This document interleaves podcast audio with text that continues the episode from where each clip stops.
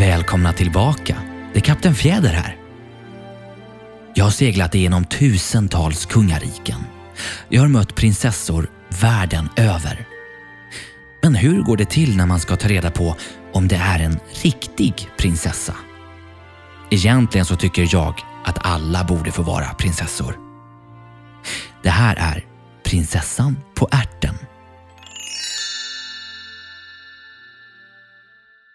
Det var en gång en prins som ville gifta sig med en prinsessa. Men det skulle vara en riktig prinsessa. Så han reste hela världen runt för att hitta en. Men överallt var det något som var fel. Prinsessor finns det gott om, men var de riktiga prinsessor? Det var svårt att avgöra. Alltid var det något som inte stämde. Så kom han då hem igen och var så bedrövad för han hade så gärna velat finna en riktig prinsessa. En kväll blev det ett förskräckligt oväder. Det blixtrade och dundrade, regnet öste ner. Vattnet strömmade ned för hennes hår och kläder. Det rann in genom tåhättorna och ut genom hälarna på skorna. Och så påstod hon ändå att hon var en riktig prinsessa. Ja, det ska vi nog ta reda på, tänkte den gamle drottningen. Men hon sa ingenting. Gick bara in i gästrummet, lyfte bort alla sängkläderna och la en ärta i botten på sängen.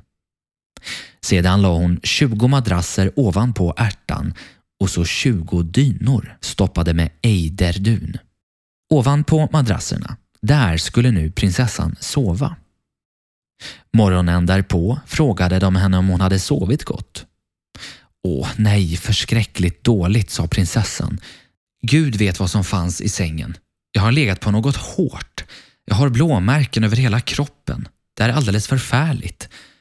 Så fick de då veta att hon var en riktig prinsessa eftersom hon hade känt ärtan genom 20 madrasser och 20 dynor.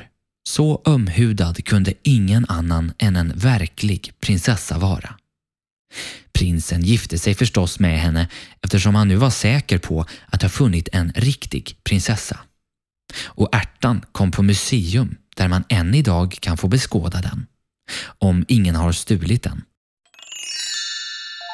Ja hörni, det där var en liten kortare berättelse och nu ska jag segla vidare. Men vi ses ju igen nästa gång.